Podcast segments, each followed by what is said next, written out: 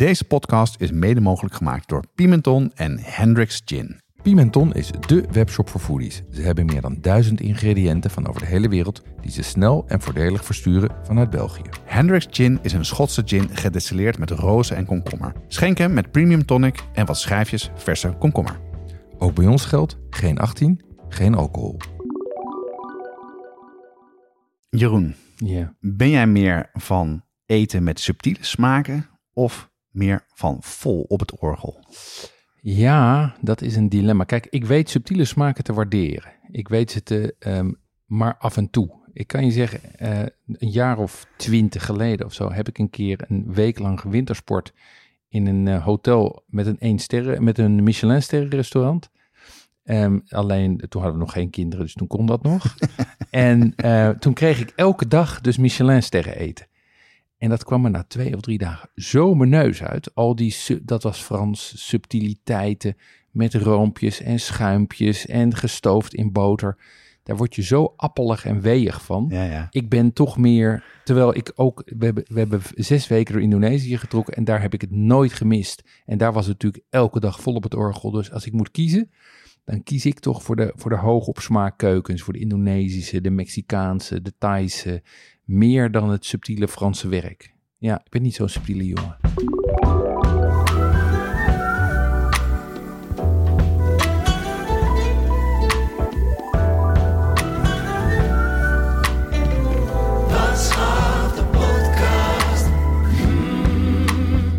Deze aflevering gaat over Buff Bourguignon, de klassieke Franse stoofschotel.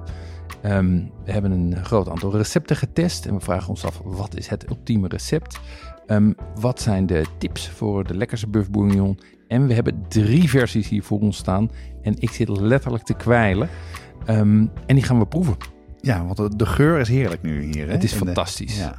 Goed, laten we dan snel wat inschenken. Ja, ik ben benieuwd. Eh, ik hoop dat je een Bourgogne hebt uitgekozen. Want we, dat, ja, dat zou dus moeten bij de Buff Bourg- Bourgogne. Bij de Buff Bourguignon. Ja, bij de Buff Bourguignon, daar ga ik al. Buff Bourguignon, ja, daar hoort dat bij. Ja, Jeroen eh, heeft weer een spannend apparaatje. De Corvin. Eh, Ja, ik heb een. eh, nou, het was grappig dat jij, dat jij zei een, met een rode Bourgogne. Natuurlijk heb ik een rode Bourgogne. Ik zit even wat uit de Coravin in te schenken. Deze is voor jou. Pak aan, Jonas. Ehm, eh, want ik heb net nieuwe rode Bourgognes binnengekregen. Ehm, en wat jij hier nu voor je hebt staan is een gewone rode Bourgogne. Een Bourgogne. Eh, uit 2019 van het huis Toyobo.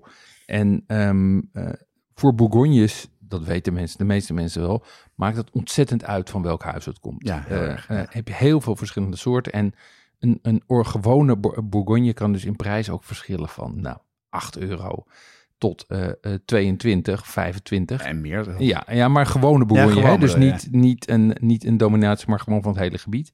En dit, dus een eh, Bourgogne Appellation Contrôlée. Dit is een, eh, zo eentje uit het topsegment.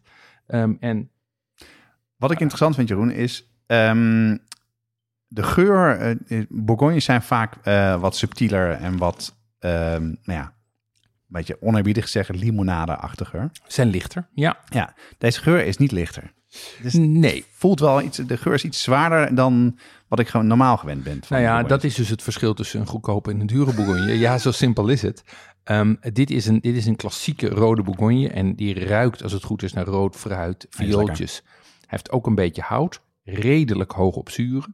Ja, maar niet vervelend. Nee, niet vervelend. En hij, is ook, hij heeft ook een diepe smaak. Ja, en hij is dus inderdaad ehm, eh, licht. Zeg je dat? En, en, ehm, ja, hij is licht. Ja. ja, maar niet, ehm, niet zuur, niet te vlak. Hij heeft een hele diepe smaak. Een hele mooie neus. Heel veel lengte, ja. Ja. Ja, en het grappige Oh, is, lekker zeg, deze, deze. heb ik, ehm, eh, deze heb ik, was ik eigenlijk met al mijn Bordeaux en Bourgogne zoet, heb ik in voorkoop gekocht. Dus dat betekent dat je hem Mm. koopt voordat hij gebotteld is. Ehm, en deze komt uit 2019. En ik heb eh, net, eh, toen ik deze besteld, ook nog extra 2020 bijbesteld. Want 2021 in, Bordeaux, in de Bourgogne was een bloedbad. Ik Ja? weet niet of... Ja, eh, door de vorst in het voorjaar Oh is ja, ja. tot 70% van de druiven bevroren. Een aantal grote hellingen zijn gewoon helemaal kapot. Ehm, dus ik verwacht dat eh, 2021 dat daar nauwelijks aanbod van gaat Ja. zijn. Slim. Dus ik heb al even voorraad eh, ingeslagen. En ik, ik zeg het je, dit is natuurlijk een, dit is een, een relatief dure Bourgogne. Maar als je die dus in de voorkoop koopt, zit die toch gauw 30, 35 procent eh, goedkoper. nou, het is dus, zeer de moeite waard. Ja.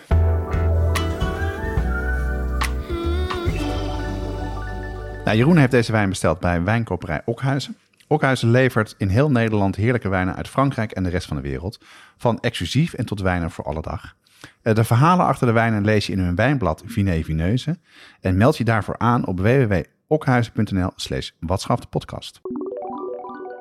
Het is echt zeer goed die wijn. Hij is goed, hè? Ja. Ehm, buiten eh, bakken en bakken eh Buff Bourguignon maken. Ehm, Dat heb ik wat, gedaan, ja, eh, dat klopt. Wat, wat heb je nog meer gedaan eh, afgelopen tijd? Nou ja, veel, want het was natuurlijk de kerstperiode. En ik Mhm. heb weer lekker gekookt eh, met kerst en dat soort dingen. Ehm, wat ik gemaakt heb, mijn all-time favorite, zijn churros. Churros. Ja. Churros. Dus, eh, van origine volgens mij Spaans. Ja. Maar in heel eh, Zuid-Amerika komt het veel voor. Eh in een wezen is dat ehm donutdeeg. ja. Eigenlijk is het eh eh, choux pastry of eh, hoe zeg je het in het Nederlands? Soeze. Soezedeeg, ja. Eh, met wat meer suiker. Ja. Ehm, en dat doe je in een spuitzak met karteltjes. En dan eh, is het oud en nieuw. En is het al één uur eh, s ochtends. Ja. En dan sta je nog met je, met je hoofd boven een dampende frituur. Ja, ja, ja. In ja. zo'n spuitzak te knijpen. Die, want het is best wel stevig spul. En met een schaar om het eraf te knippen. ja. In het vet laten vallen. Eh, als het klaar is, eh, begint, als het begint te drijven, doe je door suiker met kaneel. Mhm. En dan had ik een hele lekkere soort ganache gemaakt. Chocoladesaus, maar met een beetje Mexicaanse pepertjes erdoor. Nice.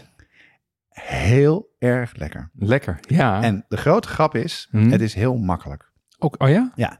Weet je, eh soezedeeg is echt best wel even Ja, ingewikkeld. dat is een kookdeeg, toch? Ja, want je kookt het, je gooit het er doorheen en dan moet je flink roeren om het, om het goed te krijgen. En dan doe je, als het wat afgekoeld is, doe je daar wat eieren doorheen. Ja. Eh, dat gaat helemaal mis in het begin, maar er staat overal gewoon doorroeren, dan Ja. komt het goed. Vooral doorgaan. Dat komt het, vooral doorgaan. En dan doe je het in een spuitzak en dan kan je het gewoon zelfs invriezen. Je kan het zelfs in de ijskast doen en dan Oh, kan je het gewoon een paar dagen van tevoren Oké. maken. En dat had ik dus ook gedaan. Ik had het gewoon 's ochtends gemaakt, eh, meegenomen. Was wel slim geweest om de spuitzak even goed af te knijpen, zodat niet het, eh, het mondje verdwijnt in, Oh ja. in, de, in de deeg. En dan inderdaad met mijn dronken hoofd om één uur s'nachts uh, lekker churros maken. Dat is, dat is heel toepasselijk, hè? want churros is bij uitstek iets wat je eet na het uitgaan in Spanje. Nou. Als je in Spanje om eh, zeven uur uit de club komt Oh ja? rollen, dan ga je daarna eh, churros con chocolate eten. Waar wij in Nederland dan kiezen voor een, eh, voor een kapsalonnetje. eet ze in, eh, in Barcelona eet je churros. Hartstikke lekker. Ja, dat is, ik kan het zeer aanraden. En ik kan de mensen dus ook aanraden, als je een frituur hebt, en ik kan natuurlijk ook gewoon in een pan met olie, Ja. ga het een keer maken. Het is Ik ga echt het goed te doen. doen. Ja, En het is echt, iedereen vindt het lekker. En het, het lijkt alsof het heel zwaar is, ja. maar dat viel echt best wel mee. Maar alles lijkt mee te vallen om half twee s'nachts met een fles champagne achter je oren. Ja.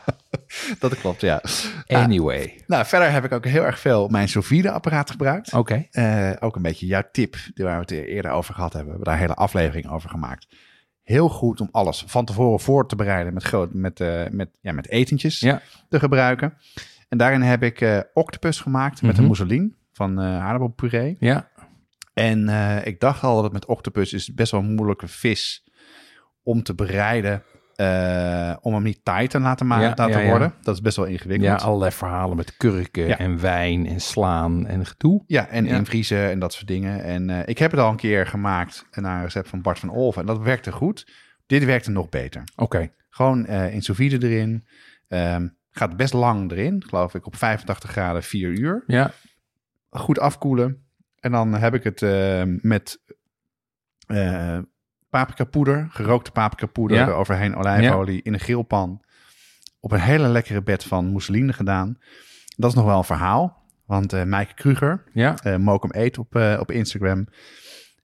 Die heeft al, had afgelopen zomer al een gerecht gepost wat ze in, in Spanje had gegeten. Ja. Wat haar favoriet was. Ja. En Toevallig had ze het ook weer gedaan. Terwijl ik al bedacht had dat ik dit ging maken. Dus hij zette de truc zit hem om die aardappelpuree zo, zo romig en zacht te krijgen. En ze zei dat kan heel goed in de blender. Dat had ieder, iemand al gezegd van nou ja, een blender dat gaat toch, eh, dat wordt toch... eh, wordt stopverf. dan wordt er gewoon stopverf. Ze zei, nee, nee, nee, ik heb het gevraagd aan, aan de chef, dat werkt goed. Dus ik, nou ja, prima. Dus ik dacht, ik ga het even uitproberen. Dat heb ik echt geweten hoor. Maar er kwam op een gegeven moment een soort rook uit mijn blender. en de rookmelder ging af. Er kwam een soort van vieze geur die je hebt met... eh met Gesmolten plastic en Ah, ozon. echt- ja, ik ja, was even bang dat mijn blender naar, naar de kloten was, maar dat viel gelukkig mee. Dus daarna heb ik het gewoon simpel gemaakt. En toen heb ik nog even contact met haar gehad en zei ze... Ja, het zou ook best kunnen zijn dat het een keukenmachine was, maar mijn Spaans is niet zo goed. Dan kan ik me wel goed voorstellen dat dat werkt. En even terug naar die octopus. Die heb jij dus niet op de rotsen geslagen. Daar heb je geen kurk bij ingedaan. Nee. Gewoon sous vide wachten. Ja, en eh er zat een Oké. citroenschilletje bij. En er zat een, wat, eh, een, een e- eetlepeltje citroensap plus wat tijm. Oké. That's it. Verder niet moeilijk doen. Heerlijk. Nice. En jij? Ja, nou, ehm, ik was ook weer geïnspireerd door onze trip naar, eh, naar Piemonte een, eh, een aantal weken geleden. Ehm, en ben, eh, heb Claudia Roden weer eens, de Italiaanse kookboek van Claudia Roden weer eens uit de, uit boekenkast gehaald. Dat was ook de tip van Jannie van der Heijden, hè? Ja. Als een van de een basisboeken. precies. En die ben ik begonnen met eh, door te koken. Echt ongeveer van voor tot achter. Serieus? Ja. Dus ik heb er, ik denk dat ik eh 30 of 40 recepten eruit heb waar, gemaakt. joh? ja. En vooral dingen die niet voor de hand liggen. Hè? Dus niet de lasagna's en de, maar de- vooral voorgerecht, gevulde groenten, dat soort typische Oh, leuk. Italiaanse dingen. Ehm, was ontzettend leuk om te doen, maar het viel me vies tegen hoeveel moeite het was om het goed te krijgen. En dat zit hem denk ik vooral in de verkrijgbaarheid van ingrediënten. Want ik ben nu natuurlijk, nou, we doen dit nu in de winter.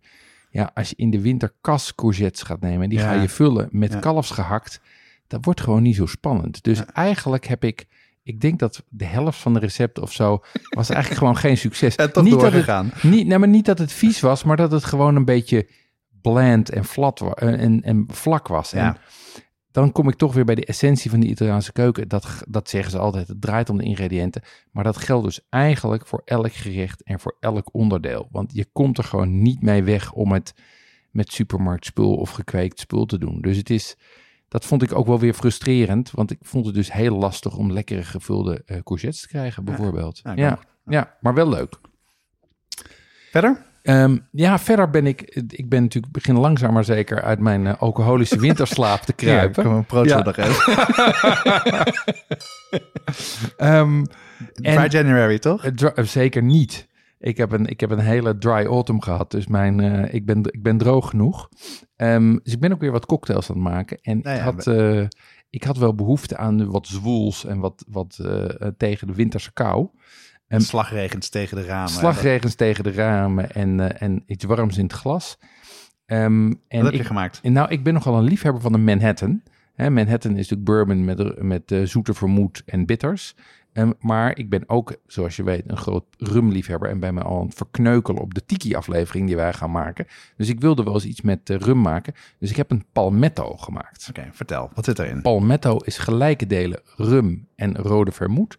Met een klein beetje bitters. Oké. En ehm, die roer je en die eh, serveer je over ijs. Of straight up. Het heeft een beetje een Negroni-vibe, als ik het zo... eh, Ja, maar niet het bittere, want er zit natuurlijk geen Campari in. Ja. En Ja. het is zwoeler. Ja. Ehm, eh, maar het heeft wel dat aromatische en die bitters. En ik vond het een eh, zeer, zeer geslaagd drankje. Ik zal het recept eh, in de show notes zetten. Ja, leuk. Ja, zet hem dan ook meteen ook op onze online kookclub. Want daar hebben we een apart kanaal voor cocktails. En daar worden onwijs veel cocktails nu met elkaar gedeeld. En blijf het vooral- doen, jongens. Dat is echt leuk om te lezen. Jonas, we hebben een aflevering gemaakt over hot sauces. Dat deden we samen met de mannen achter Heat Supply. Deze hot sauce bazen hebben zelf ook een serie saus uitgebracht. Rijmakers, heetmakers genaamd. Ja, en dat zijn sauzen die niet alleen maar focussen op hitte, maar ook op smaak. En dat is voor ons een kenmerk voor een goede saus. Ze lopen op in pittigheid, eh, van de milde immune booster tot aan de brain buzzer die behoorlijk heet is.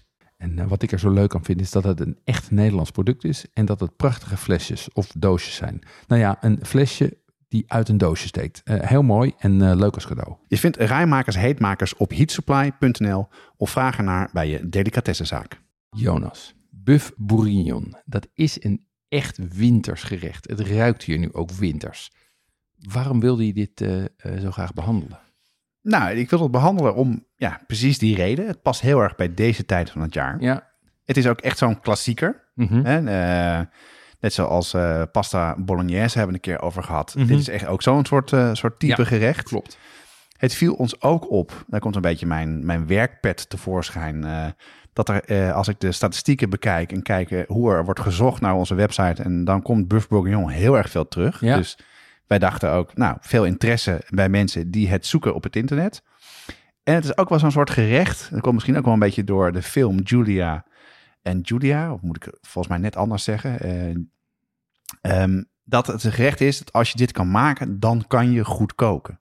Ja. Dus het lijkt mij leuk om daar eens een keer in te duiken. Ja, ja nee, dat, eh, eh, dat, dat, dat herken ik wel. Ik ben het er ook zeer mee eens. Ehm, ik maak het regelmatig, Oh ja? bourguignon. Ja, Oh het ja. is wel een van de dingen die soort van terugkerend is. Laat ik zeggen, één of twee keer per jaar maak ik het. Maak ik meteen een enorme hoeveelheid ehm, en vries ik het in. Ehm, dus ik vind het wel een, eh, ik vind het wel, ik vind het echt een prettig comforting gerecht, wat zich ook heel goed laat invriezen en ook heel goed voor grotere gezelschappen laat maken. Ja, absoluut. Ja. ja, ik maak het dus helemaal niet zo vaak. Nee. En dat was ook de reden om het te maken. Mhm. En het is wel zo'n gerecht wat je als je in een Franse bistro bent, staat het altijd op de kaart. Dus het lijkt me leuk om daar gewoon eens eh, in te gaan duiken. Ja, eh, zullen we even beginnen met uitleggen wat het eigenlijk is? Ja, dat is een goed idee. Het is een stoofgerecht. Mhm. Het is een Frans stoofgerecht. Je stooft rundvlees in rode wijn. En eh, je leest ook her en der wel dat het vooral een soort restverwerking was van oud vlees wat er was. Wat je dus wat taai vlees is. En Ja. wat je dus eh, stooft en eh, daardoor dus wat so- sappiger wordt. Ja. Het is gemaakt met ui, wortel, bouillon en een garnituur van champignons, kleine uitjes en spek. Ja. Dat is ook een beetje wat eh, veel in de Bourgogne voorkomt.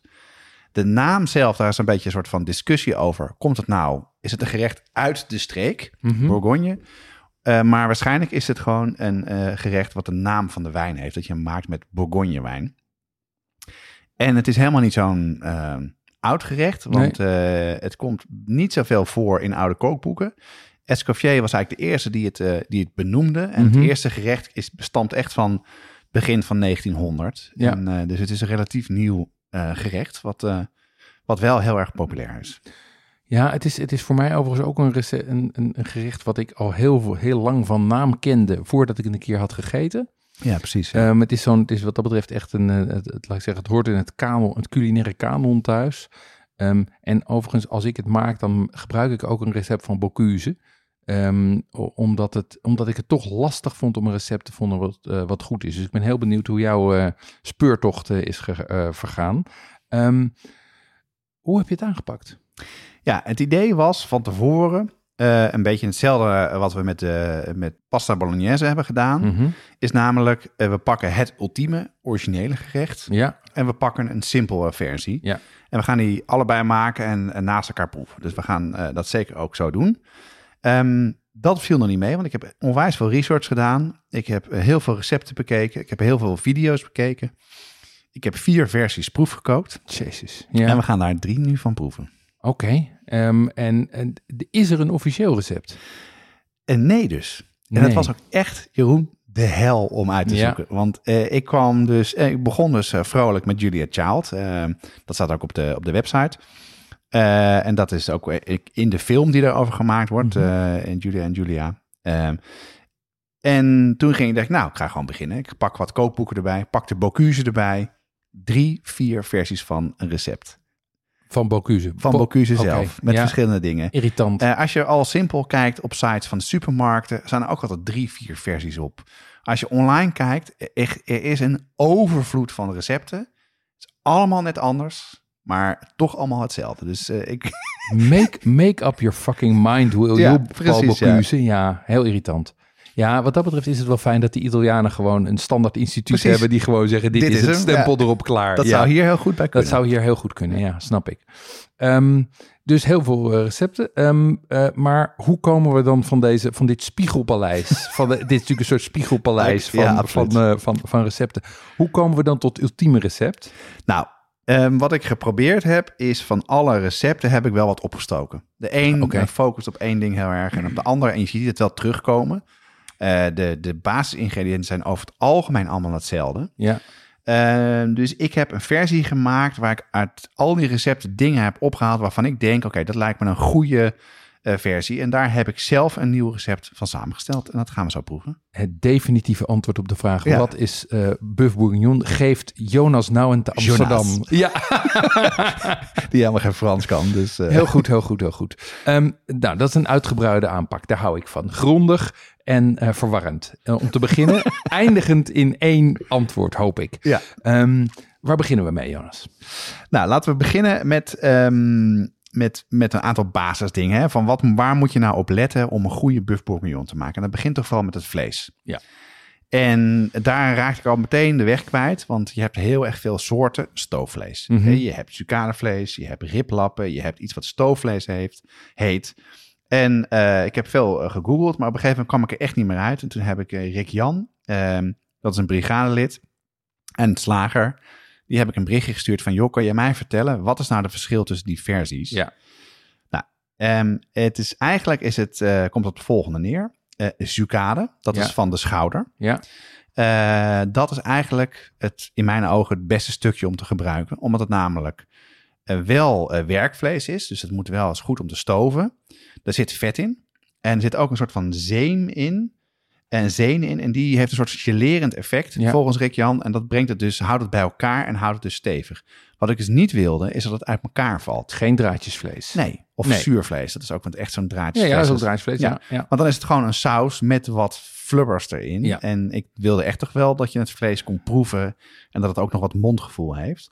Dus eh, dank Rick Jan daarvoor. Uiteindelijk ben ik dus bij Sucade uitgekomen. En er zijn ook een aantal recepten die runderwang gebruiken. Ja.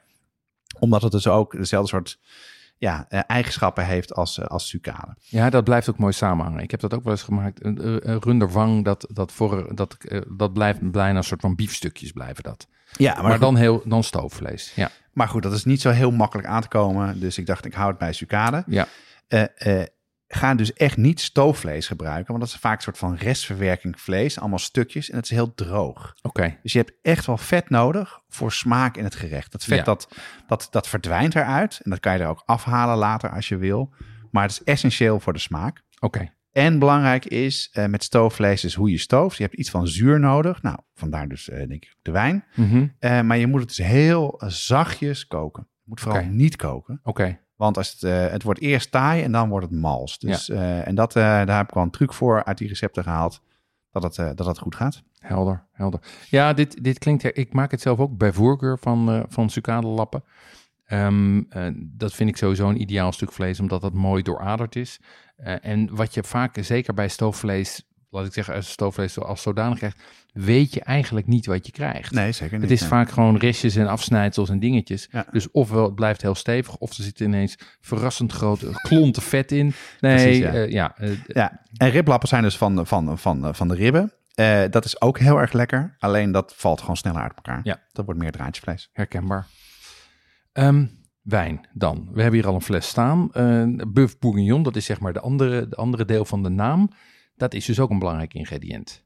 Ja, dat, ja, dat klopt. Dus de, de wijn geeft ook een naam aan, aan, aan het gerecht, wat ik al Ja. zei. Hè? Dus, dus ehm, want wat ik ook wel ben tegengekomen, dat in het verleden in Franse keuken vooral veel witte wijn werd gebruikt bij, eh, bij, bij vlees. Ja. eh, om te stoven en niet rode wijn. En het draait ook wel echt om de smaak van de wijn. Oké. Het is echt eh, ook, nou ja, het is een beetje gek. Het is toch wel een subtiel gerecht waarbij de saus heel erg die wijnsmaak moet hebben. Ehm, dat is heel belangrijk. Eh, men zegt dat Bourgogne essentieel is. Nou, ja, Mhm. we hebben net een fles die overheerlijk is. En je moet natuurlijk altijd wel koken met wijn die lekker is, want anders wordt het eh, natuurlijk het gerecht vies. Mhm. Maar de vraag is, moet je nou wel of geen Bourgogne hebben? Het is namelijk best wel duur. Wat, wat, denk, wat vind jij? Nou ja, kijk, da- daar, is een, daar is natuurlijk een principieel antwoord op en dat is ja. Want Buff Bourguignon maak je natuurlijk met wijn uit de Bourgogne. Wat jij terecht zegt, is dat inmiddels Bourgogne wijnen... Kijk, toen dit recept werd geschreven, begin vorige eeuw, toen was Bourgogne natuurlijk nog helemaal niet zo ontwikkeld. Nee, Toen was Bourgogne gewoon een betaalbare, redelijk hoog op zure wijn. En wat natuurlijk essentieel is voor, dat, voor, die, voor, ehm, voor het afbreken van die vleesstructuur, zijn die zuren. Dus, dat zit hier meer in, hè, in deze wijn. ja, Ja, ja. dus, dus je wil een wijn hebben die hoog op zuren is. En dan is rode Bourgogne een voor de hand liggende keus. Maar ik denk dat je ook een andere eh, eh, Pinot Noir kan nemen die niet te, ehm, die, die redelijk hoog op zuren is. Dus je kan ook voor iets Duits gaan. Of je kan ook voor een Elsasser gaan. Ja. Of je kan ook voor een eh, als je, laat ik zeggen, zeker als je veel wijn gebruikt, want je, sommige recepten, het recept dat ik gebruik, gaat meestal een fles in. Ja. Ja, ik ga niet zo'n fles van 22 euro er doorheen stoven. Dat is me toch- zelfs mij te gortig. En, en veel van de recepten gaan twee flessen in, kan ik je Ja, vertellen. nou ja, kijk, dus dan, dan zou ik inderdaad kiezen voor een, eh, voor een Pinot Noir uit een, eh, uit een ander gebied. Of een, eh, of een ander, je, je zou zelfs een Italiaanse wijn kunnen nemen Ja. die hoog op zuur is. Mag ik natuurlijk niet zeggen, maar kan wel. Ja, maar wel even proeven van tevoren. De wijn. De wijn Ja. moet wel lekker zijn. Ja, hij moet, natuurlijk moet hij lekker zijn. Je moet, ik bedoel, als je het niet mee moet, als je het niet kan drinken, moet je er niet in koken. En je moet wel een wijn hebben die niet al te zwoel is, niet al te veel zoeten in zich heeft. Nee, Ja. nee. Helemaal eens. Alright. Ehm Jannie vertelde dat ze de, eh, het, het vlees ook marineert in de wijn. Dat doe ik nooit. Hoe kijk jij daarnaar? Nou, dat is dus ook, want dat had ik dus, dat, eh, ik heb natuurlijk ook het recept van Jannie eh, gelezen. En ook bijvoorbeeld Bocuse gelezen, die in ene recept het drie uur marineert en het andere recept eh 24 uur. Oh ja. Er zijn zelfs recepten die je tegenkomt in echt gerenommeerde goede kookboeken. Waarbij het 24 uur buiten de eh, koelkast eh, moet marineren. En in de koelkast 48 uur. Oh wauw. Ja, dus ehm, ik heb het, dat is een beetje 50-50. De helft doet het wel, de helft doet het niet. Dus ik dacht, nou ja, weet je, om dat nou uit te zoeken, heb ik dus eh, mijn versie van de Buff Bourguignon gemaakt, waarvan ik één verschil heb gedaan. De ene heb ik namelijk gemarineerd, 24 uur, en de andere niet. En voor de rest is het exact hetzelfde, met de exact dezelfde ingrediënten, Oké. dezelfde bouillon. Dus eh, ik zou zeggen, Oh, laten, we nice. het, laten we het gaan proeven. Een echte side-by-side. Dat vind ik leuk. Ehm, maar ik, jij zegt, ik heb er eentje gemaakt zonder marineren en eentje met marineren. Maar ik zie hier drie schaaltjes staan. Hoe zit dat? Ja, ik heb dus ook eh, de, mijn best moeten doen om de simpelste versie te vinden. Die vond ik op de site eh, van een van de supermarkten. En eh, dat was gewoon de makkelijkste versie die anderhalf uur duurt in plaats van drie, vier uur. Eh, en daar heb ik alles gewoon besteld bij de supermarkt. Ja. Eh, ook supermarkt wijn. Ik heb Oké. echt zo'n klein flesje Ja. van huiswijn, 250 Ja. centiliter. Niet gekeken wat voor soort wijn het is. En die proeven we side by side. Dus laten we eerst even gaan proeven. Welke supermarkt was dat? Het was de Jumbo. De Jumbo. Oké. Ja. En, eh, Dus wij hebben hier staan het ultieme recept van Jonas, gemarineerd en niet gemarineerd. En we hebben hier staan het recept van de Jumbo met alle ingrediënten van de Jumbo. Ja, laten we beginnen bij de Jumbo-versie. Hm, daar had ik juist het minste Nee, zin ga je gang. Jij nee, je schep jij maar even op. Dan, eh, eh, dit is een, ik zie hier dus drie bakjes voor me staan. Identieke bakken, die hebben we vandaag opgewarmd. In allemaal zie je stukken vlees. Die liggen in verschillende kleuren bruine saus. Verschillende kleur als in dat de verschillende bakken hebben een net iets andere kleur. Ehm, overal zie je wortel en ui in terug. Ehm, en eh, champignons. Ehm, en ik ga nu eerst eens even een hapje nemen van de, eh, van de Jumbo eh, Ja. variant. Dan ga ik even Ehm. mijn andere bord pakken, want Jeroen begint al. Oh ja. Ja, ik heb ontzettende honger. Ik, zit, Ga je gang hoor. ik ga gewoon happen.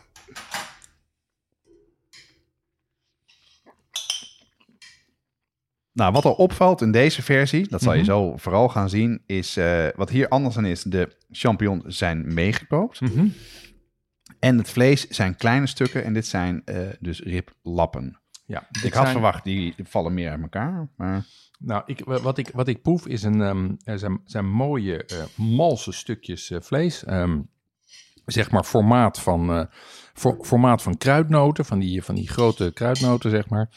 Ehm, heel mals. Ehm, de champignons zijn ook heel of half. En dat is wel lekker, want die geeft ook een beetje een glibberig gevoel. Even grote stukken, eh, even grote stukken wortel. Heel smaakvol. De jus is een beetje grijzig. Die mist wat mij betreft wat kleur en diepte. En de smaak is, ik zou zeggen, wel lekker. Ik vind het, ik vind het, het edelgist erg overheersend. De, de smaakversterker. Ik proef heel duidelijk dat het met een bouillonblokje is gemaakt. absoluut. Maar En daarom- ik proef eigenlijk bijna geen wijn. Nee, ik mis het zuurtje.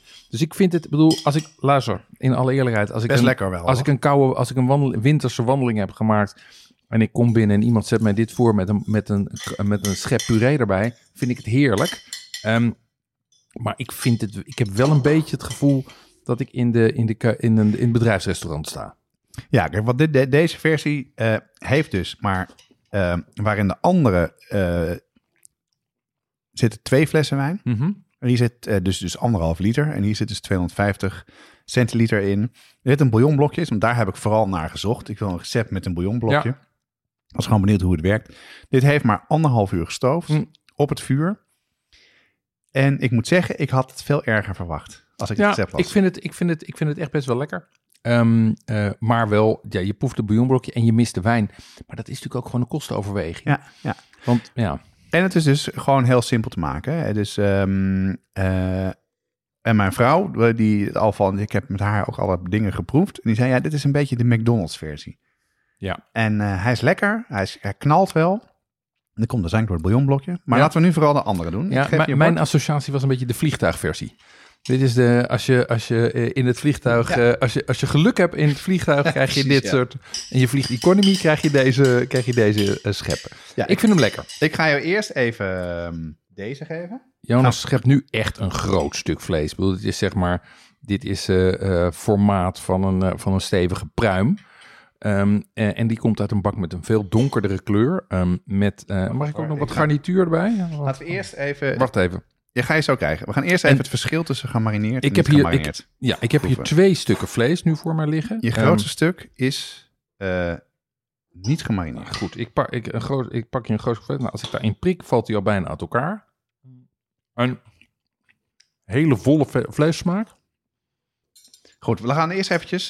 Johan- neem even een hap van de een en de ander. Ja. We eerst focussen op of er een verschil merken tussen marineren of niet. Welke van de Mhm. twee is droger? Voor mij is het een slechte vergelijking, omdat ik een groot stuk en een klein stuk naast elkaar Ja. heb. Ehm, en een groot stuk is bijna per definitie natuurlijk wat droger. Ehm, maar ik vind het verschil niet heel groot. dit, Nee, dat is dus dat is wel grappig dat het nu gebeurt. Ik heb het geproefd. Toen het klaar was, Mhm. was de niet gemarineerde versie veruit beter. Oké. Want de gemarineerde versie was droog. Mhm, Dat proef je nu ook wel. Als je het nu weet, dan ga je het wel waarschijnlijk merken. mhm. Ehm, was eigenlijk meer alsof het wild was. Het had een soort van, ja, ehm, een soort, ja, soort wildachtige geur. beetje een metalige... Ja, als je ook die twee dingen rook, als ze klaar waren, had dus Mhm. de gemarineerde versie was veel weiniger. Mhm, Had veel meer een wijngeur. mhm. Maar nu ik ze dus weer heb ingevroren en met de saus erbij, moet ik wel zeggen dat het droge een beetje wegvalt. Geef je bord, dan geef ik even alles. Dan kan je ook andere dingen nog even proberen. Ja, ik, wat, wat mij opvalt ten opzichte van de, van de supermarktversie, is dat dit veel meer naar vlees smaakt. Het is, het is duidelijk beter vlees, of het vlees heeft zich beter gehouden. Ehm, ik heb niet het overheersende aroma van edelgist, bouillonblokje zeg maar, eh, smaakversterker. Ehm, zo, en Jonas schept mij nu ruim bij, maar nu ben ik wel een, bijna een diner. nu ben ik bijna wel een beetje de, de, de weg kwijt wat ik nou moet proeven. Nee, dat maakt niet uit. De- de- Oh, dat maakt niet het, uit. Het verschil is nu... Wij hebben het verschil al geproefd. Dus er zit verder geen verschil in. Eh, de, de sausen, dat vond ik het grappige, zijn bijna hetzelfde qua smaak. Er zit dus niet echt een verschil in als je het ehm, marineert of niet. Er zit nog een ander verschil in. Er zijn twee soorten uitjes. Mhm. Zilveruitjes en, eh, en normale kleine uitjes. Ik vind de normale uitjes lekkerder. Want de zilveruitjes hebben toch een zuurtje. Ehm, en ik heb hier dat zuurtje al van die saus. Dus ik vind het juist lekker dat die uitjes wat zoeter zijn. Ja, vond ik ook. En ehm, eh, verder is het een. ehm, verder wil ik hier graag een lepel bij. Want ik vind dit eigenlijk wel gerechten. Die ik vooral, vooral omdat die royaal zijn in de saus. Die lekker zijn om met eh, redelijk wat van die eh, saus te eten. Verder zijn het. ja, zijn het dit, de, de, de smaak hiervan sowieso is veel dieper. En, wij, en heeft meer wijnsmaak. Hoe zou je het verschil omschrijven tussen de twee? Tussen de, de simpele en de ingewikkelde versie? Ja, complexiteit. Dit gaat puur over complexiteit. Kijk, die eerste die heeft een alles overheersende ehm eh, bouillonblokjes smaak. Ehm, verder een hele zachte structuur. Die, eh, ehm, de, de uitgebreide versie, die heeft, daar moet je iets meer werken op het vlees, zonder dat het overigens taai wordt. Maar dat heeft, heeft wat meer bite, ook omdat grotere stukken zijn. En die smaak heeft veel meer lengte. Je proeft daar weer veel meer de, de rijke, volle smaak van het vlees en van de wijn. Ehm, en bovendien vind ik, die, ehm, vind ik die kleine gestoofde uitjes heel lekker, omdat die een beetje glibberig en zoetig zijn. Ehm, eh, het enige wat ik wel lekker vind uit die eh, supermarktversie zijn die hele champignons. Ja. Ik vind die hele champignons ook wel een prettig mondgevoel geven. Nou, Ehm, zitten hier ook in hoor. Ze zijn namelijk eh, ook heel, alleen ze zijn natuurlijk gebakken en niet meegestoofd. Dus dat vind ik ook, ben ik wel met je eens. Dat, eh, meeste overwerkt wel, hè? Ja, dat op zich ook wel kan. De uien zijn eh, echt op het laatst pas erbij gegaan, gedaan. Ja, het recept dat ik altijd maak, daar ehm, ehm, maak je het garnituur, zeg maar, bereid je apart. Bereid je eerst en apart, dus de uitjesbakje, ehm, de champignonsbakje en het spekbakje uit. Die hou je apart en die voeg je op het laatst weer toe. Zodat, het enige nadeel is dat die dus niet hun smaak afgeven aan de saus, maar die houden wel hun eigen structuur. Want wat ik hier vind is dat ze wel heel erg zijn weggesmolten in de saus. Wat op dezelfde manier gemaakt hoor, als jij zegt. Oh ja? Ja. Oké. Maar misschien komt het door het invriezen. Ja, dat denk eh, ik. Want dat is wel een verschil. Ehm, de twee versies gaan wel erg naar elkaar toe. Wat vind je trouwens van het eh, andere vlees, wat, eh, wat in die kleine bakjes Ja, zit? er staat hier, nog, staat hier nog een klein stiekem zijbakje bij. We hadden niet drie, maar we hadden drie plus twee. Ehm, die heb ik nog niet geproefd, dat ga ik nu even doen. Dat is weer van ander vlees gemaakt. Hè? Wat heb je hiervoor gebruikt? Dat is osselstaart. Hmm. Dus dat is wel iets, iets meer draadjesachtig. Ja, dat is meer draadjes, ook meer bindweefsel, ook meer volheid en vettigheid. Ja, daarbij heb ik een beetje het gevoel dat er, eh, dat er buff bourguignon van wagyu is gemaakt, zeg maar. Heel vet, heel ehm, rijk. Wel lekker, maar ik weet zeker als ik een bord daarvan moet opeten, dat ik afhaak. Heb ik ook een beetje. Ja. Dus ik heb het wel, ik zal zo uitleggen waarom ik het heb toegevoegd. En ehm, ik had namelijk verwacht dat er een verschil zou zijn, een groot verschil tussen gemarineerd en niet gemarineerd. Nou, ik weet niet wat jij daarvan vindt. Dat verschil vind ik niet zo Nee, groot. Maar, Maar dat had ik ook. Dus dat is niet nodig. Maar goed. ja, wat mij ook vooral opvalt, is hoe goed die eh, rode wijn erbij gaat. Die Zeker, hè? Die Bourgogne is echt eh, lekker. Zal ik jou nog even bijschenken, Kom Jonas? maar door, jongen. Ja, heel goed. Even onder de ding door. Ja. Ik heb, Ja, een slokje. Ik geef je, ehm, ja nee, want je merkt nu dat die, eh, dat die rode wijn die redelijk hoog op zuur is, die snijdt heel mooi door die vettigheid van die eh, Bourgogne heen, eh, van, die, van die saus heen. En tegelijkertijd echoot die, er zit er een smaakbrug, ja, ja, een aromatische brug tussen de, tussen de saus en de wijn. Dus dat werkt gewoon heel goed. Ja, maar hierbij heb je natuurlijk wel, dat frisse heb je wel nodig. Dat vind ik het enige nadeel van het gerecht. Het is wel heel zwaar. Het is een wintersgerecht. Ja. Dit is als je een dag hebt geskiet, Jonas. Ja, precies. Nou, ik zal even vertellen wat de verschillen zijn. Ja. Ehm, het ene recept heeft runderlappen, Mhm. supermarktvlees. Ja. Heeft anderhalf uur gestoofd. De andere heeft drie tot vier uur gestoofd. Oké. De ene is klein gesneden stukjes. De andere zijn grof gesneden stukken. En die andere, het vlees komt uit de slager. En, en daar zit ook ossenstaart bij. Mhm. Ehm, dus het heeft twee tex- texturen en veel meer smaak. Nou, de ene versie is met een huiswijn van de supermarkt. De andere met een Pinot Noir. Mhm. Ehm, dus ook de hoeveelheid wijn is echt verschillend. Ehm, de ene heeft bouillonblokje. De andere heeft zelfgemaakte runderbouillon zonder zout. Mhm. En ehm, het verschil wat je net al vertelde, dat je, hoe jij het maakt. Bij de simpele versie is alles in de pan gegooid en één keer meegekookt. En Mhm. bij de andere versie is alles apart aangebraad. En is het in stappen gemaakt. Dus de garnituur is aan het, aan het laatste pas toegevoegd. En het verschil is wel, ik heb nu alles vooraf gemaakt, ingevroren. Het maakt wel uit hoor, want eh, als je het vers maakt, wat jij zelf ook al zei, dan is het veel knapperiger, verser. En, eh, Ja. Dus, eh, dat, ja, dan zijn, de individuele onderdelen beter te onderscheiden. Dan is het minder, minder samengekomen. Oké. En hier zit kruidnagel in, die Jumbo-versie en de andere niet. Oké. Dat is het. Ehm, om het jezelf nog makkelijker te maken, heb je na het bestuderen van het Spiegelpaleis, ben je ook nog eens even gekeken bij grote chefs als, eh, als Marco Pierre White en, eh, en eh, Raymond Blanc. Ehm, wat doen die anders dan de recepten die je tot nu toe hebt gezien?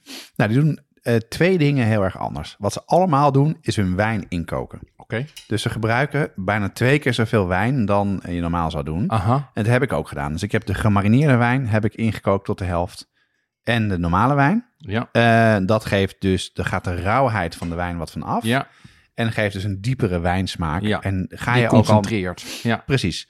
En wat zij allebei doen, allemaal doen, is je maakt, en dat, val- het valt je misschien een beetje op, de saus die hierin zit, is niet stoofvocht, maar is echt een, ja, echt een, een, een saus geworden. Mhm. Eh, daar besteden ze allemaal aandacht aan, om die in te koken, een bepaalde textuur te geven en een diepe smaak te geven. Dat is ook de reden waarom ik een bouillon zonder zout heb gebruikt, ja. omdat als je het inkookt, wordt het te, te heftig qua, eh, qua smaak. Helder. Dus wat ze eigenlijk doen is eerst stoven ze in een combinatie van gereduceerde wijn en bouillon. Daar stoof je in en vervolgens ga je die, dat stoofvocht ga je weer reduceren tot je een saus hebt. Ja, en wat, wat Bocuse dus doet, die doet Ja. eigenlijk van tevoren, wat ik hier ook heb gedaan, is nadat je het hebt aangebakken, gaat hij een, eh, doet, hij de doet hij de meel erbij en daar gaat hij met een garde echt een, eh, echt een saus van slaan. Oké, hij een mooie structuur heeft en dat gaat de oven in. aha, oké. wat je ook kan doen, dat doet eh, bijvoorbeeld Julia Child en anderen, is dan ben je klaar, dan haal je alles uit de pan, dan zeef je Ja. het vocht en dat ga je dan inkoken. Eh, maar als je bijvoorbeeld veel spek erbij doet, doe je, voeg je al best wel wat zout Ja. en smaak toe. Ja. Dan zou ik toch een beetje mee oppassen. Oké. En is Ehm, veel gedoe, geklieder en ingewikkeld. En nu wil ik even weg van alles wat we kunnen doen. nu, wil, ik- nu wil ik toe naar de, de ultieme, de definitive eh eh, buff bourguignon according to Jonas. Ehm, kunnen we dat recept even stap voor stap doorgaan, Jonas? Absoluut. En ik zal per stap ook even wat tips geven die ik dus opgepikt heb uit al die recepten. Oké, hoeveel stappen hebben we? Eh, we hebben eh, vier hoofdstappen. Oké, goed. Let's go. Step 1. Nou, het allereerste, en dat komt overal terug, eh, is het aanbraden van het vlees. Ja. Je creëert een Maillard-reactie. Dat is niet zo makkelijk. Als je het marineert, Heb je Moet moet je natte klets? precies, moet je goed droog deppen. Hetzelfde geldt gewoon voor het vlees zelf. Dat komt uit de verpakking. En dan moet je echt even voor zorgen dat het niet nat wordt, want dan gaat het stoven in plaats van aanpakken. En zorg ervoor dat de pan niet te veel vlees heeft. Dat je echt een goede bruine korst erop kan krijgen. Oké, dikke pan, batchgewijs, aanbraden. Absoluut. Droog vlees. Dan haal je het allemaal weer uit. Ja. Dan doe je de bacon erin. En ik ben eigenlijk een beetje aan het twijfelen, maar ik ben benieuwd naar jouw mening om de bacon in het beginstuk toe te voegen, omdat het al best wel een heftige smaak is. Wat vind jij? Ja, ik, ik, ik zeg, ik bak de bacon uit en ik, ik eh, bak hem uit en ik gebruik het vet wel om daarna door te gaan. Maar ik bewaar de bacon, of eigenlijk het ontbijtspek, aan het eind om toe te voegen als garnituur. Om kleine zoute, zoute eh, eh, knispertjes te hebben. Ja, dat ga ik dus ook doen. Want dan, eh, dus dat, wat je dan bak je het uit. Dan doe je de ui en grote stukken wortel. Ja. En dus niet kleine plakjes, want die wortel wil je ook nog kunnen eten. En dan Ja. wil je ook nog erbij hebben. Dus we Ja. moeten wat grote vorm hebben. En eh, misschien belangrijk om te zeggen, de vlees zijn grote stukken vlees. Eh, eh, definieer groot. Nou, 5 centimeter blokken of meer. Vijf centimeter blokken, dat zijn echt blokken. Ja. ja oké. En het voordeel daarvan is dat je gewoon iets te eten hebt, dat het meer een Ja, en ze textuur krimpen, heeft. hè? Vergis je Ze niet. krimpen ze heel erg. krimpen echt wel 60% soms, 40%. Ja, oké. Goed, dus vlees keihard aanbakken en daarna grote stukken ui en wortel bakken in dat vet. Stap 2. Dan maak je dus de saus. Dan voeg je wat meel toe, ja. niet te veel. Nee, Dat laat je bruin worden. ja, bruneren. Ja, Eh, en dan heb je de wijn al ingekookt tot de helft in een apart pannetje. in een apart pannetje. Ja. En heb je de eh, bouillon ook al klaarstaan, Ja. afge, afgemeten. en de wijn, daar declasseer je, eh, deglaceer je de pan heel goed mee. Want daar blijft heel erg veel eh, Aanbaksel. aanbaksel zitten. Dat moet je heel goed ge- eraf halen. En dan met een garde even goed eh, doorroeren, zodat er een mooie, ja, consistente saus ontstaat van het meel wat erin zit. Ja, en dat, doorroeren, dat losroeren is echt belangrijk, want die, die aanbaksels, dat is waar al die Maillard-reactie in gevangen zit. Het En dat is- lijkt soms zwart, maar als je dat, dat lost vervolgens perfect weer op in je saus. Goed losroeren. En dat is de smaak ook die je extra toevoegt. Alright. Dan doe je bouillon erbij. En Ja. je zou dus eh, de, de meel kunnen overslaan. Mhm. hè, want, eh, sommige, nou ja, in dit recept van de, van de Jumbo zit 30 gram meel. Ja, dat is Echt- best veel. Echt heel veel. Ja, twee eetlepels. Je zou ook de ui kunnen gebruiken. Om, eh, dan moet je dus die saus later maken om die ui lost op. En dan met een staafmixer die saus te maken. Maar ik zou lekker in de- deze versie doen. Ja, dus wel of geen meel? Wel meel, maar, maar, maar weinig. Eetlepel meel. Exact. Yes. Oké. Dan, stap drie. Dan ga je het stoven. En dat is dus Mhm. heel belangrijk dat je dus... eh zijn twee dingen belangrijk. Je legt eerst het vlees op de bodem van Ja. een, een goede, bijvoorbeeld creusetpan of een gietijzeren pan. Ja, Doet een teentje knoflook, niet geperst. Want hoe meer je het perst, hoe meer smaak het Ja, afgeeft. En dan gaat het ten opzichte van de wijn, is het zonde. overpowert dat. Ja, Ja, dus dan doe je een teentje in. Je doet de groenten die je hebt aangebakken erbij. Je doet een bouquet garni. Dus dan doe je dus, eh, in dit geval heb ik selderij, peterselie, twee larierblaadjes en een klein beetje tijm met een touwtje vastgebonden en erbij gedaan. ja. En ehm klein beetje tomatensaus heb ik gedaan. Tomatensaus of tomatenpuree? Puree. Dus Tomatenpuree. Ja. Oké. En eh, geloof ik een, een, een thee of een eetlepel. Oké. Dan doe je de saus erbij, die je Ja. net hebt, mooi hebt gemaakt. En, dat moet, en dan is een ander belangrijk ding. Het moet niet, het vlees moet net onder staan of een beetje erboven uitkomen. Oké. Want het vlees, wat je al zei, gaat krimpen. Ja. En je wilt dus een mooie saus overhouden. En eh, dat hoeft echt niet zo heel veel bij. En dan heb ik het in de oven gedaan op 150 graden. eh 2,5 tot 3 uur. Oké. En wat het voordeel daarvan is, eh, die tip heb jij al vaker gegeven, is dat het dus niet kookt, maar borrelt. En daarmee wordt het dus niet taai. Ja, en, en het, de hitte komt van alle kanten en niet alleen van onderen. En zeker als je zo'n gebonden saus hebt, is dat belangrijk. Dan ga je aanbranden en dat wil je niet. Ja, en ik heb dus vaak gecontroleerd. Er zijn hele kleine belletjes zitten erin en dat is Ja. genoeg. Het moet echt... eh, Oké, nou dan is het, eh, dan is het klaar. Eh, bikken maar. Ja, en dan is er eigenlijk nog een volgende stap. Oh. Ehm, je, de, je kan het laten afkoelen. Ja, wat voordeel daarvan is, dat als je het daarna in de koelkast doet, eh, is dat je het vet er makkelijk af kan scheppen. ja, dat stolt mooi. Ja, dat stolt mooi en je wil eigenlijk niet te veel vet in het, in het, eh, in het gerecht hebben. Ehm, en dan eh, ga je of de spek uitbakken, of zoals jij had je het al bewaard. Mhm. Dan ga je dus op zoek naar kleine uitjes. Allemaal pellen, heb ik allemaal gedaan. Dan zitten er geloof ik 30 zitten erin. Die pareluitjes Ja. zijn dat, hè? die witte. Ja. Als je die niet kan vinden, kan je shallotjes gebruiken. ja, en als je het pellen van die dingetjes gaat veel makkelijker als je even in kokend water kiepert. Ah ja, dat is een goede tip. Dat scheelt een slok op en dan druk je ze zo eruit. Ah, in ja. plaats van dat je met een klein mesje 30 van die uitjes zit los te pielen. Heb jij gedaan, hè? Ja. ja. En dan heb ik dus de champignons eh, door de helft of in zijn geheel laten, dat ze lekker groot blijven. Mhm. Die heb ik even aangebakken eh, in het vet wat ik ervan afgeschept had. En dan op het laatste bijgedaan. Eh en dan de ui kan je dus meestoven met de buff bourguignon. Nou, laatste, denk ik, 20 minuten, 10 minuten. Mhm. Eh, of je kan het even in de pan zelf stoven. Dan heb je helemaal, eh, ja, hou je dus regie of het lekker blijft of niet. En dan eh, dien je het op. Heel goed. Hoe dien jij het op? Ja, nou, nu, nu staan hier schalen. Eh, ik zou het op een. Je kan twee dingen doen. Je kan op een schaal doen. dat het vlees onderop zit. Dat je daar mooi dus de, de, de groenten erbovenop zet. En daar op het laatste de spekjes over uitspreidt. En dan wat peterselie, wat groen en ook wat lekker kan smaken. Maar je kan het ook op een bord doen. Dan zou ik dus op dezelfde manier doen. Dus vlees op de bodem, groenten erbovenop. Zorgen dat iedereen een beetje evenveel heeft. Ja. En eh, nou, dan kan je er bijvoorbeeld een eh aardappelen bij maken. Ja. Of een aardappelpuree. En ik zou er wel een goede bourgogne bij drinken. En een goede frisse salade. Want het, heeft, het vet heeft wel even een tegenhanger Ja. nodig. Wat ik, eh, wat ik ook wel doe, is ik serveer hem ook wel met gnocchi.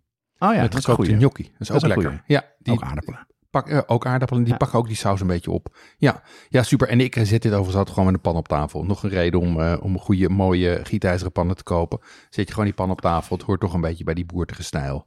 Dus ehm, Ja, je zet zeker je Star Wars uh, crussetpan op ik tafel. zet zeker mijn Star Wars. En dan maak ik daar ook dat geluid bij. Tam, tam, tadam, tam. Goed. Ehm, Ik ben nog steeds jaloers. Jonas, is dit... Wat is jouw favoriete versie van deze? Je Ehm, eigen ultieme versie neem ik aan. Ja, nou ja, ik, ik was wel benieuwd eh, of het verschil was. En ik hoopte wel dat je het verschil zou proeven. En dat doe je gigantisch. zeker wel, zeker wel. Beide zijn trouwens lekker. Ik Ja. vind die versie van de supermarkt ook echt best wel lekker. De, de- voor een door de weekse dag is dat prima, maar als je ze naast elkaar proeft, dan... mwah.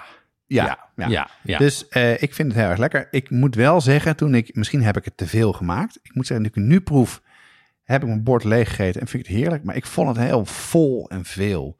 Dus ik vroeg ook wel, had ook wel een discussie met mijn vrouw. Vind ik het nou een lekker gerecht of niet? Nou ja, weet je, het is net als met kaasfondue en met al, die, met al dat comfortfood. Je moet er niet te veel van eten. Nee. En je moet het eten als het koud is en als je honger hebt. Ja. En niet als, je de, niet als het eh, 27 graden is en je de hele dag achter je computer hebt gezeten. Nee, dat is waardeloos. nee. Maar als je, een, als je een, een dag hebt geskiet en je hebt goede trek, dan is het natuurlijk heerlijk. Ja, en ik denk, ik vind, ben wel echt wel fan van grotere stukken vlees. Dat Ja. heb ik daar wel echt wel uit opgepikt. En het laat zich heel goed invriezen. Hè. Dus ik maak, ik maak soms echt wel 4 of 5 kilo in één keer. En, en daar, kan je dan, eh, daar kan je dan de hele winter van eten. Dan is de hoeveelheid werk ook te overzien. Hè?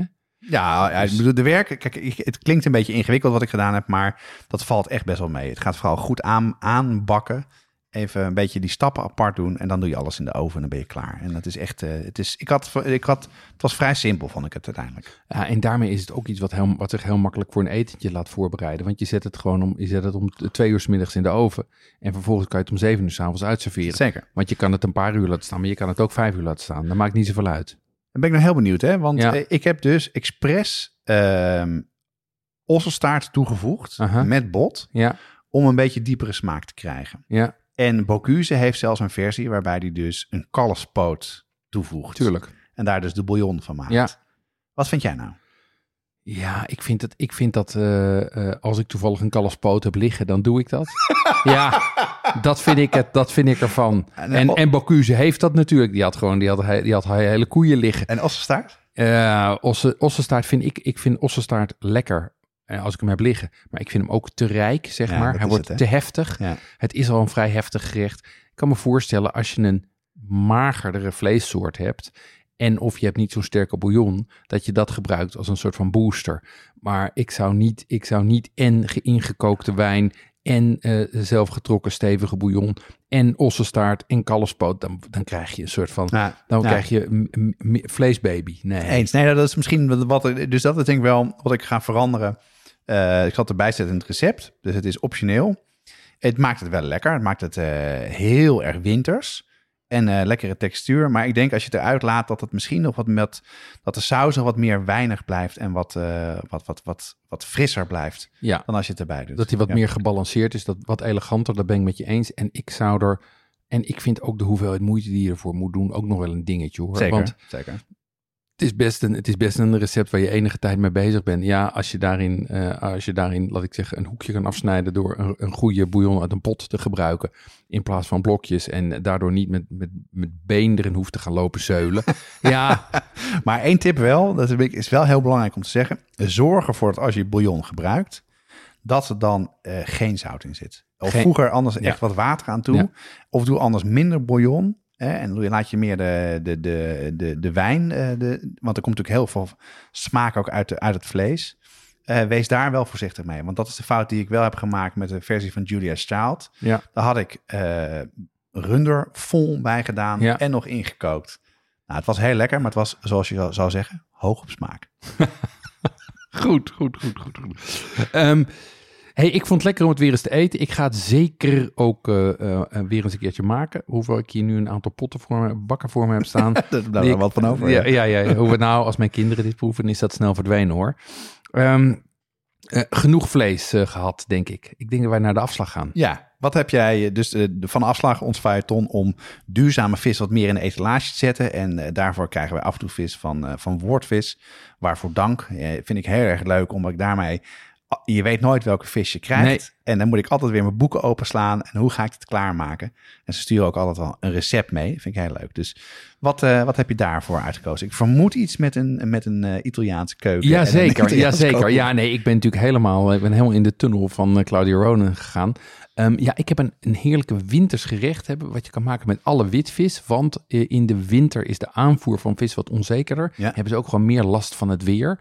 Af en toe zeggen ze van, ja, we weten helemaal niet of we komen, want we weten niet of we kunnen uitvaren. Stormt het flink, Ja, ja. precies. Ehm, dus eh, wat ik hier heb is een recept dat het sogliole alla Fiorentina, oftewel tongfilets op Florentijnse wijze. Oeh, Ehm, en dat is eigenlijk een hele klassieke, die ze volgens mij ook in de diepvries van Iglo hebben. Maar het is gewoon een bedje van spinazie. ja. En daar mag je in de winter gewoon diepvries spinazie voor gaan nemen. Daar leg je de visfilet, visfilets op Ja. en die overgiet je met een bechamelsaus. Oeh. En daaroverheen gaat parmezaanse kaas. Dus vis en kaas in één gerecht, Ja. Italiaans gerecht. Het kan. En champignons? Nee, geen champignons. nee, en dat, en dat gaat dan, en dat gaat dan eh, nog eh, een kwartiertje of zo in hete oven. En dan krijg je zo'n lekker borrel aan de bovenkant. Met daaronder die, eh, die malse visfilet en dan die, die spinazie. Met een beetje puree of gekookt, of een gekookt aardappeltje. Heerlijk. Klinkt goed zeg. Wat een goed idee. Ja, we hebben ook weer een leuke nieuwe reactie ontvangen. Deze kwam van Margreet 1982. Met als titel Geweldig. Een geweldige podcast, boordevol inspiratie en met een hoge dosis aanstekelijk enthousiasme. Inmiddels al een frietsnijder, rijstkoker en een contactgeel aangeschaft omdat de manier van vertellen over eten zo aanstekelijk is dat je het gelijk zelf wil maken. Ook cocktails thuis laten bezorgen via Flying Dutchman cocktails, terwijl ik eigenlijk nooit alcohol drink. dat zegt wat over deze mannen. Ga zo door. Nou, ontzettend leuk. Eh dankjewel Margreet voor deze leuke reactie en fijn dat je hem ook hebt ingestuurd. Ja, blijf reviews geven op Apple Podcasts. Dat vinden wij leuk om te lezen. En dat kan tegenwoordig ook op Spotify, maar alleen in de app. Dus zoek ons op en geef je waardering. Elke twee weken op donderdag staat er een nieuwe versie klaar. Meld je aan op de site voor onze nieuwsbrief. En dan zodra er een aflevering live staat, ontvang je een e-mail met alle recepten en andere informatie. Deze aflevering wordt gemaakt door Jonas Nouwen en Jeroen Doucet. Het team bestaat uit Corianne Straathoff, Annie Tazelaar, Paul Veldkamp, Cato van Paddenburg en Jesse Burkunk. De muziek is gecomponeerd door Nico Brandsen en Ton Dijkman en wordt uitgevoerd door Mel Vintage Future. Reacties kun je sturen naar jeroen.watschaftepodcast.nl of jonas.watschaftepodcast.nl of je stuurt een DM via Instagram, Facebook of Twitter. Tot de volgende keer. Tot over twee weken.